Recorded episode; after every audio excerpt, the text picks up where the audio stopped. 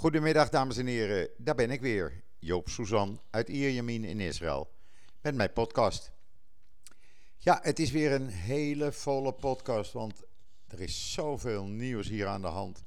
Uh, maar daar kom ik zo meteen op. Laten we het eerst even hebben over het weer. Want vandaag zijn we begonnen met uh, gevoelstemperaturen van 40 graden en hoger. Bij mij is het nu uh, aan de kust de gevoelstemperatuur 41 graden. De vochtigheid ligt rond de 50% En uh, ja, er staat een beetje wind. Het is een droge woestijnwind. Gamsim noemen we dat. Gamsim van 50. En uh, op sommige plaatsen in het land, zo bij Tiberias, wordt het ook tegen de 50 graden.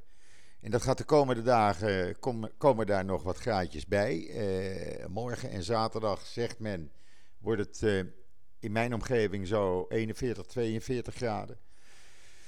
En in overige plaatsen wordt echt uh, Tiberias, uh, Dode Zee, daar wordt de 50 graden aangetikt. En zelfs iets hoger waarschijnlijk.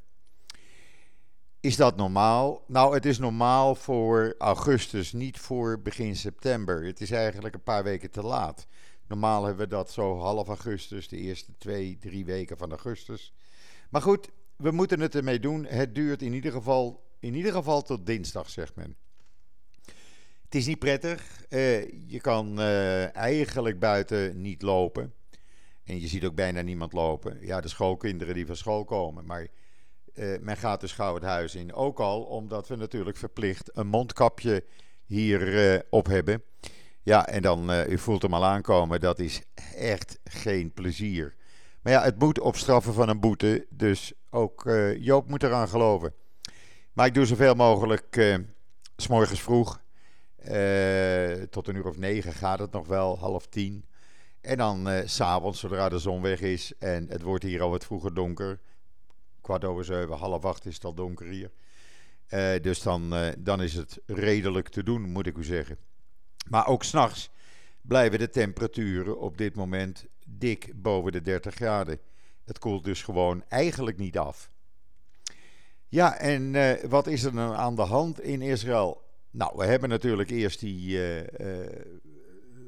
betrekkingen, diplomatieke betrekkingen, die uh, binnenkort officieel worden met de Emiraten. Daar komt alleen maar nog meer goed nieuws vandaan. positieve berichten. Gisteravond was er een item op televisie dat in ieder geval één, maar mogelijk allebei de luchtvaartmaatschappijen van de Emiraten op Israël gaan vliegen. En hoe gaan vliegen? Nou, dat worden echt vijf, zes, zeven vluchten per dag. Tickets, uh, zegt men, lopen zo rond de 250 dollar tot 800 dollar, afhankelijk van wanneer je vliegt en of je de luxe wil hebben van de eerste klas met alles erop en eraan. Het mooie is wel dat natuurlijk nu gevlogen mag worden over Saudi-Arabië. Dat betekent dat je er in een beetje meer dan drie uur ben je van Tel Aviv in Abu Dhabi of Dubai. En dat is natuurlijk fantastisch. En ja, eh, ik hoor het u al vragen, ga jij dan ook? Ja, dat plan heb ik wel, want ik wil dat natuurlijk zien. Niet in de komende tijd, want uh, de Joodse feestdagen komen eraan. Uh, maar ergens in, laten we zeggen, eind oktober tot tussen eind oktober, december. Nou, dan moet er toch wel een lang weekend te vinden zijn dat we die kant op, uh, op kunnen. Want dat lijkt me toch wel iets uh, bijzonders om mee te maken. En helemaal omdat het uh, zo kort vliegen is. Het is. Je bent er sneller dan in Amsterdam. Maar het hangt ook af van het coronavirus natuurlijk. Daar kom ik zo meteen op terug bij u. Maar in ieder geval, er zijn de eerste financiële overeenkomsten getekend. De eerste bedrijven hebben contracten getekend. Gisteravond, woensdagavond dus, is het eerste DHL-vliegtuig rechtstreeks vanuit Tel Aviv naar Abu Dhabi gevlogen. Met de eerste Israëlische goederen voor bedrijven in de Emiraten. Ja, het begint al bijna normaal te worden, zeg ik dan. Uh, terwijl het zo bijzonder is. Uh, en ik verwacht eigenlijk dat er. Uh, ja, er gaan natuurlijk tienduizenden, misschien honderdduizenden Israëli's die kant op in de komende tijd. Maar ook vanuit de Emiraten wordt verwacht dat uh, er tienduizenden bezoekers richting Israël komen. Die willen natuurlijk Jeruzalem en de heilige plaatsen, heilige moslimplaatsen zien. Maar die willen ook Tel Aviv zien en andere delen van het land. Als je zo de interviews ziet die wij elke avond op, het, op de verschillende tv-kanalen zien in de journaals. Maar het is prachtig. En ja, zoals Koesner zei, hij verwacht dat op termijn alle 22 Arabische landen diplomatieke betrekkingen met Israël hebben. En dan zullen die Palestijnen, ja, die proberen dan uh, dit allemaal in een zwart uh, daglicht te stellen.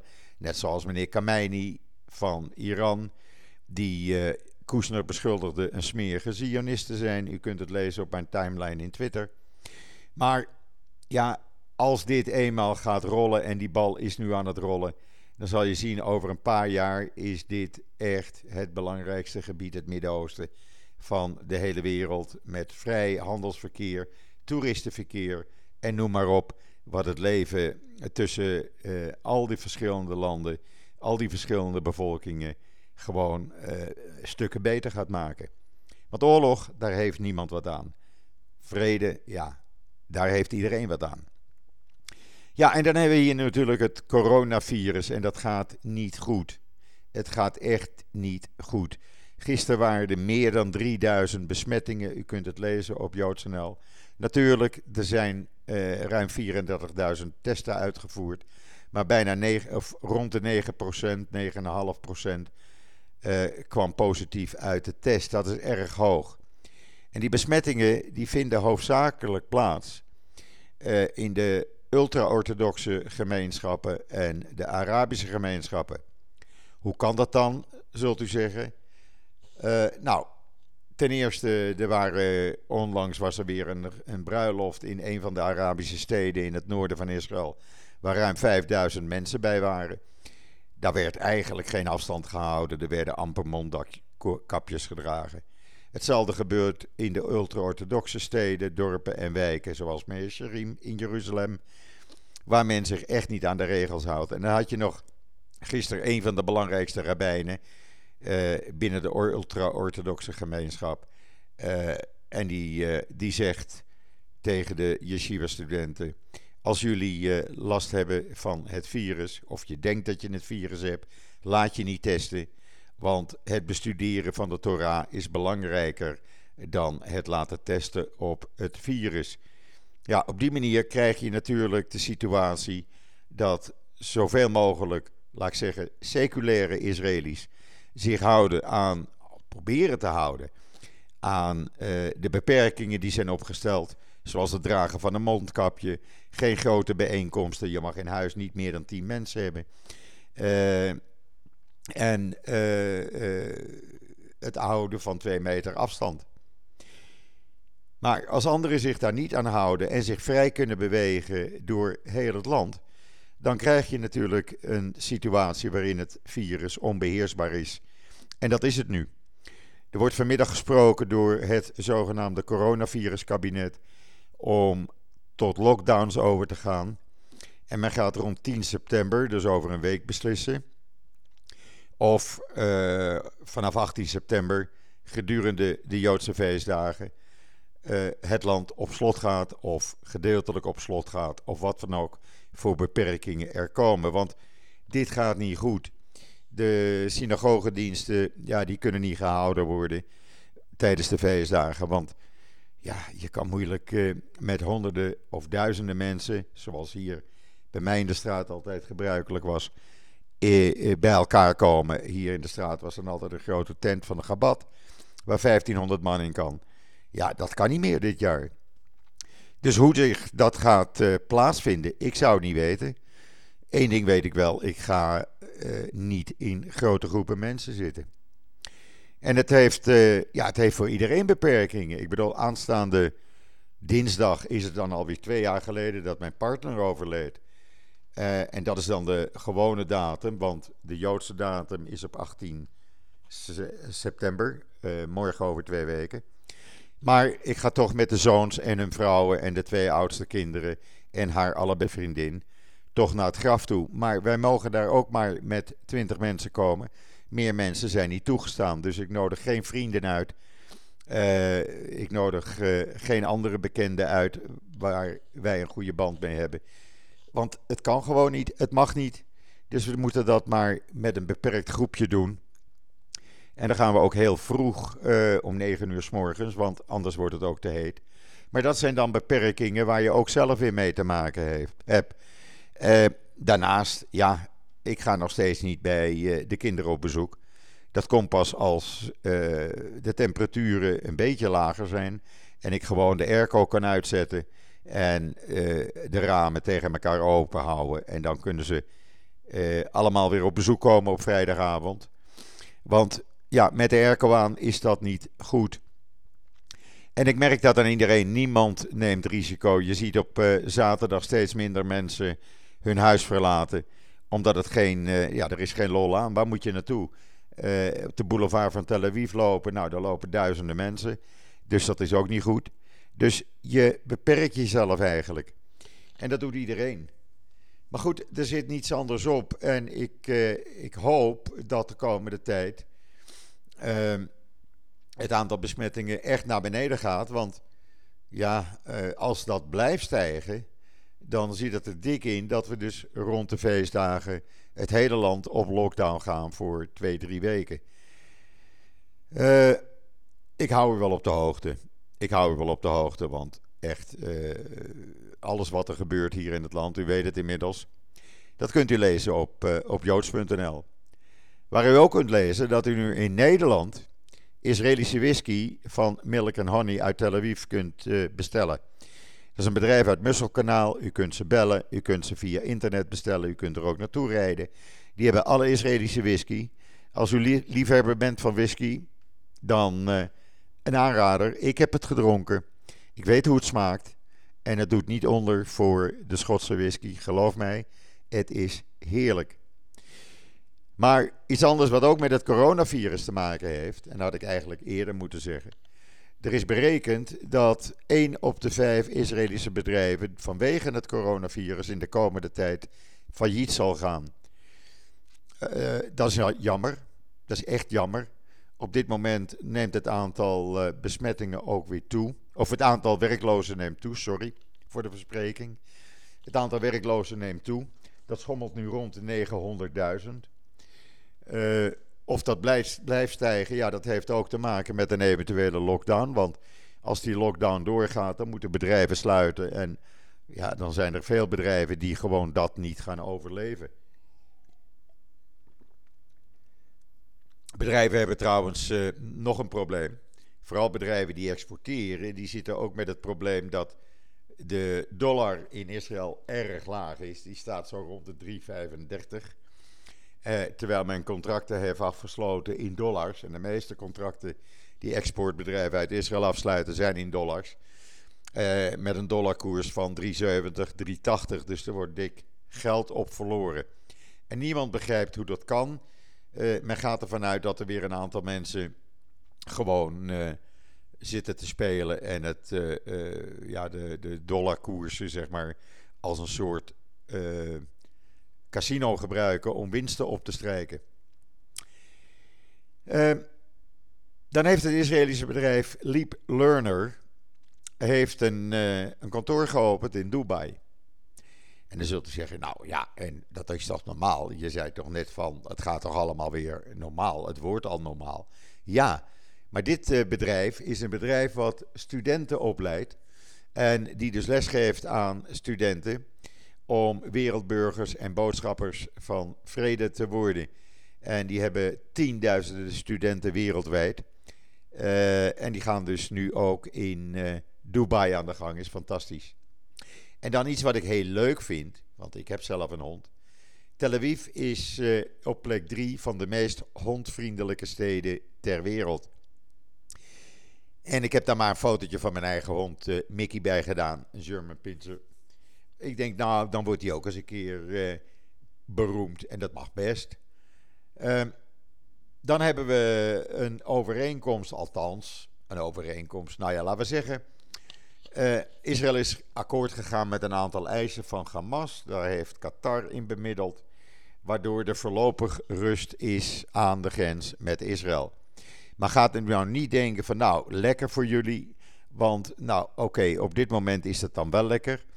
Maar uh, er wordt verwacht, en dat wordt al gezegd, over een maand of twee zijn de verkiezingen voor nieuwe leiders bij Hamas.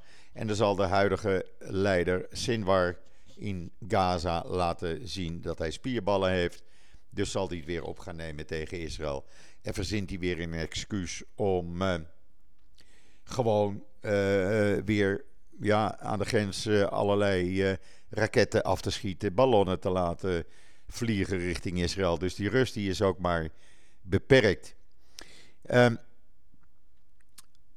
dan hebben we ook nog meegemaakt, ja, gisteren was dat weer. Er kwam iemand onder water zwemmend van Aqaba in Jordanië naar Eilat. Iedereen in paniek natuurlijk, van oh jee, er komt iemand en er zitten er meer natuurlijk. Nee, dit bleek een duiker te zijn uh, uit uh, Jordanië, die het leven in Jordanië zat was. En die dacht van weet je wat, ik ga helemaal onder water naar uh, Eilat zwemmen. Dan word ik daar gearresteerd. Maar dan ben ik tenminste in Israël. En dan ga ik asiel aanvragen, want ik wil een betere toekomst voor mijzelf. Dus die kan ik alleen maar vinden in Israël. Ja, uh, hij zit in Israël inderdaad in de gevangenis. Of hij terug wordt gestuurd. Niemand die het zegt. Ik denk eigenlijk dat hij gewoon op een gegeven ogenblik toestemming krijgt hier onder bepaalde voorwaarden te blijven. En wat ook leuk is, op JoodsNL staat een artikel hoe normalisatie eruit ziet. Uh, normalisatie met de Emiraten. Nou, als je dan kijkt, dan zie je uh, een artikel van de Khaled Times uit de Emiraten. Die melding maakte van een aantal bijzondere zaken eigenlijk. Bijzonder omdat dat nog nooit eerder gebeurd is. Er werd een orthodoxe rabbijn ingevlogen uit Amerika om te zorgen dat het voedsel aan alle kosheren voorwaarden voldeed.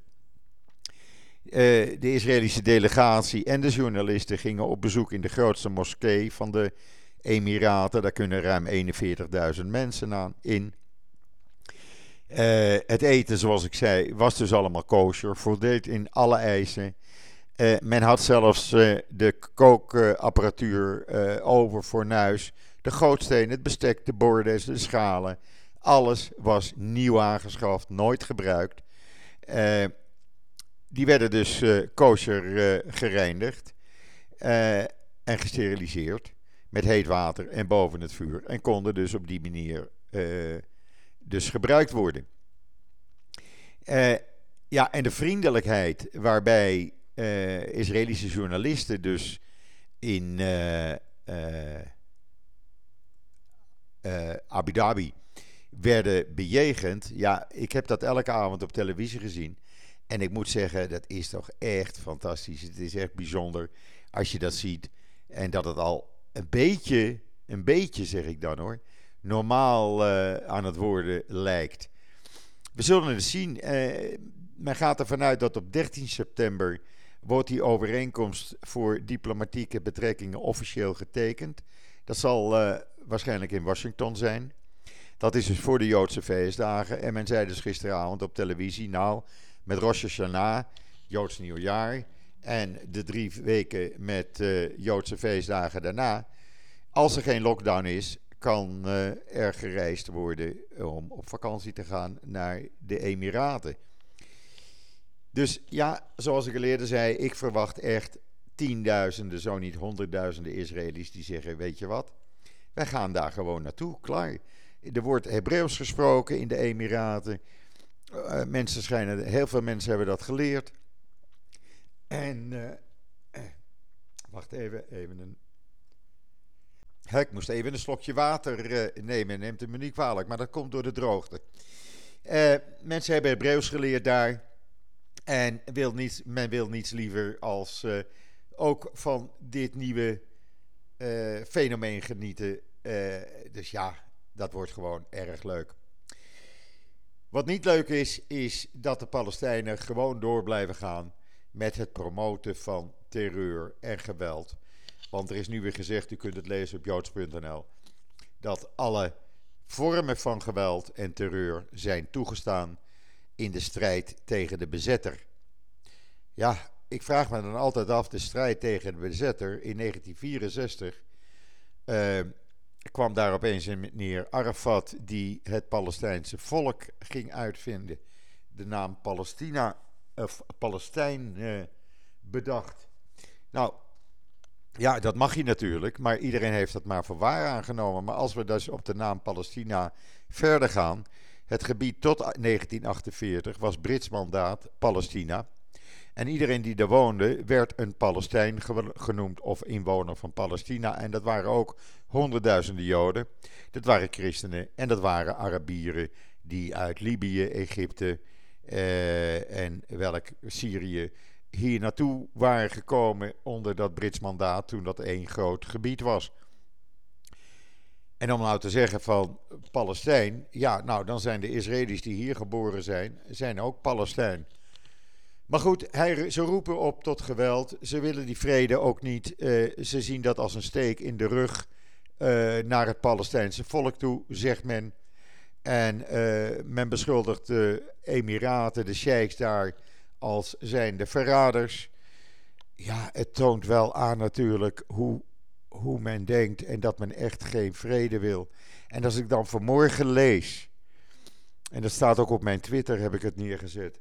Ik vind dat net een mop dat meneer Saap Erkat, die al een jaar of 25 beroepsonderhandelaar voor de Palestijnen is en het nog nooit is gelukt om vrede te bewerkstelligen, dat die uh, uh, gaat onderwijzen, virtueel wel, weliswaar, aan studenten op Harvard, Harvard University over diplomatie, dan denk ik, nou, dan is dat Harvard ook niet meer wat het geweest was. En geen uh, universiteit waarvan je zegt, nou, daar moet je je kind naartoe sturen. Ja, of je moet natuurlijk anti-Israël zijn, want dan schijnt dat wel weer goed te zijn.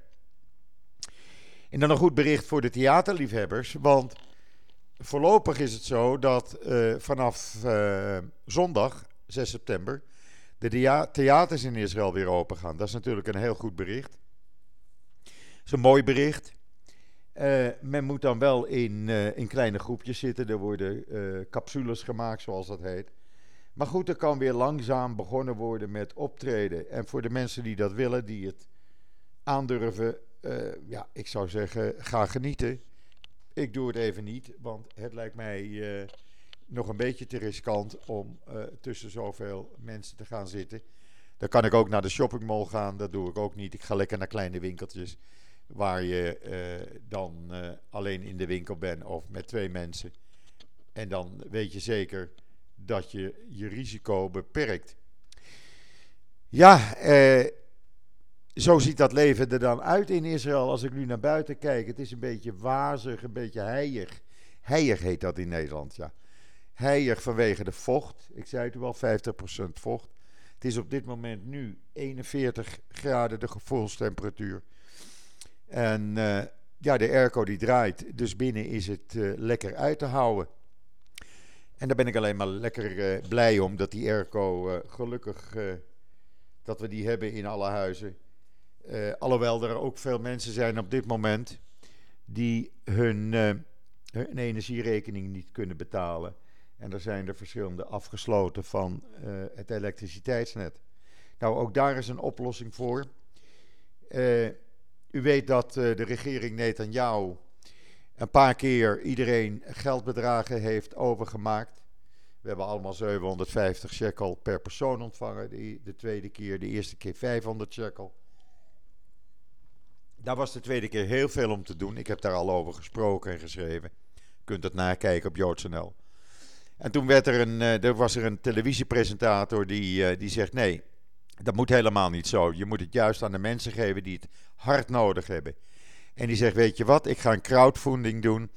Uh, en als er nou uh, mensen zijn die ook vinden dat, uh, dat het geld.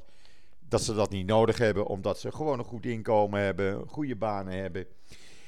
dan stort dat dan op deze crowdfunding-rekening. En misschien halen we de 3 miljoen wel. Nou, inmiddels is bekend geworden dat hij ruim 15 miljoen shekel heeft gekregen op die bankrekening. En ze gaan nu beginnen om aan gezinnen die het echt nodig hebben, ieder 5000 shekel over te maken. om hun rekeningen te betalen. En daarnaast krijgen andere gezinnen die problemen hebben om eten te kopen, krijgen voedselbonnen of cadeaubonnen noemen ze het dan.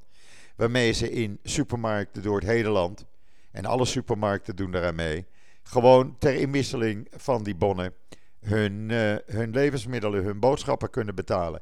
Ja, ik vind dat fantastisch. Ik moet u eerlijk zeggen, ik heb ook uh, mijn steentje daaraan bijgedragen. En uh, zoals de kinderen hebben dat ook gedaan. Omdat wij ook vonden van nee, weet je wat, wij geven het aan mensen die het echt hard nodig hebben. En ik ben blij dat ik dat gedaan heb en ik ben blij dat ik nu lees hoe goed het gebruikt gaat worden. Nou, met dit positieve goede bericht zit ik toch weer aan het einde van mijn podcast. Ik, uh, 25 minuten. Uh, u weet, half uur is de limit. Uh, rest mij u nog alvast een heel mooi weekend toe te wensen. Alvast Shabbat Shalom vanuit Ierjamin, vanuit Israël. En wat mij betreft hoop ik u maandag weer te kunnen spreken. Hopelijk ook weer met goed nieuws. Dat het coronavirus eindelijk een beetje minder stijgt. En zeg ik op mijn beurt tot ziens, tot maandag.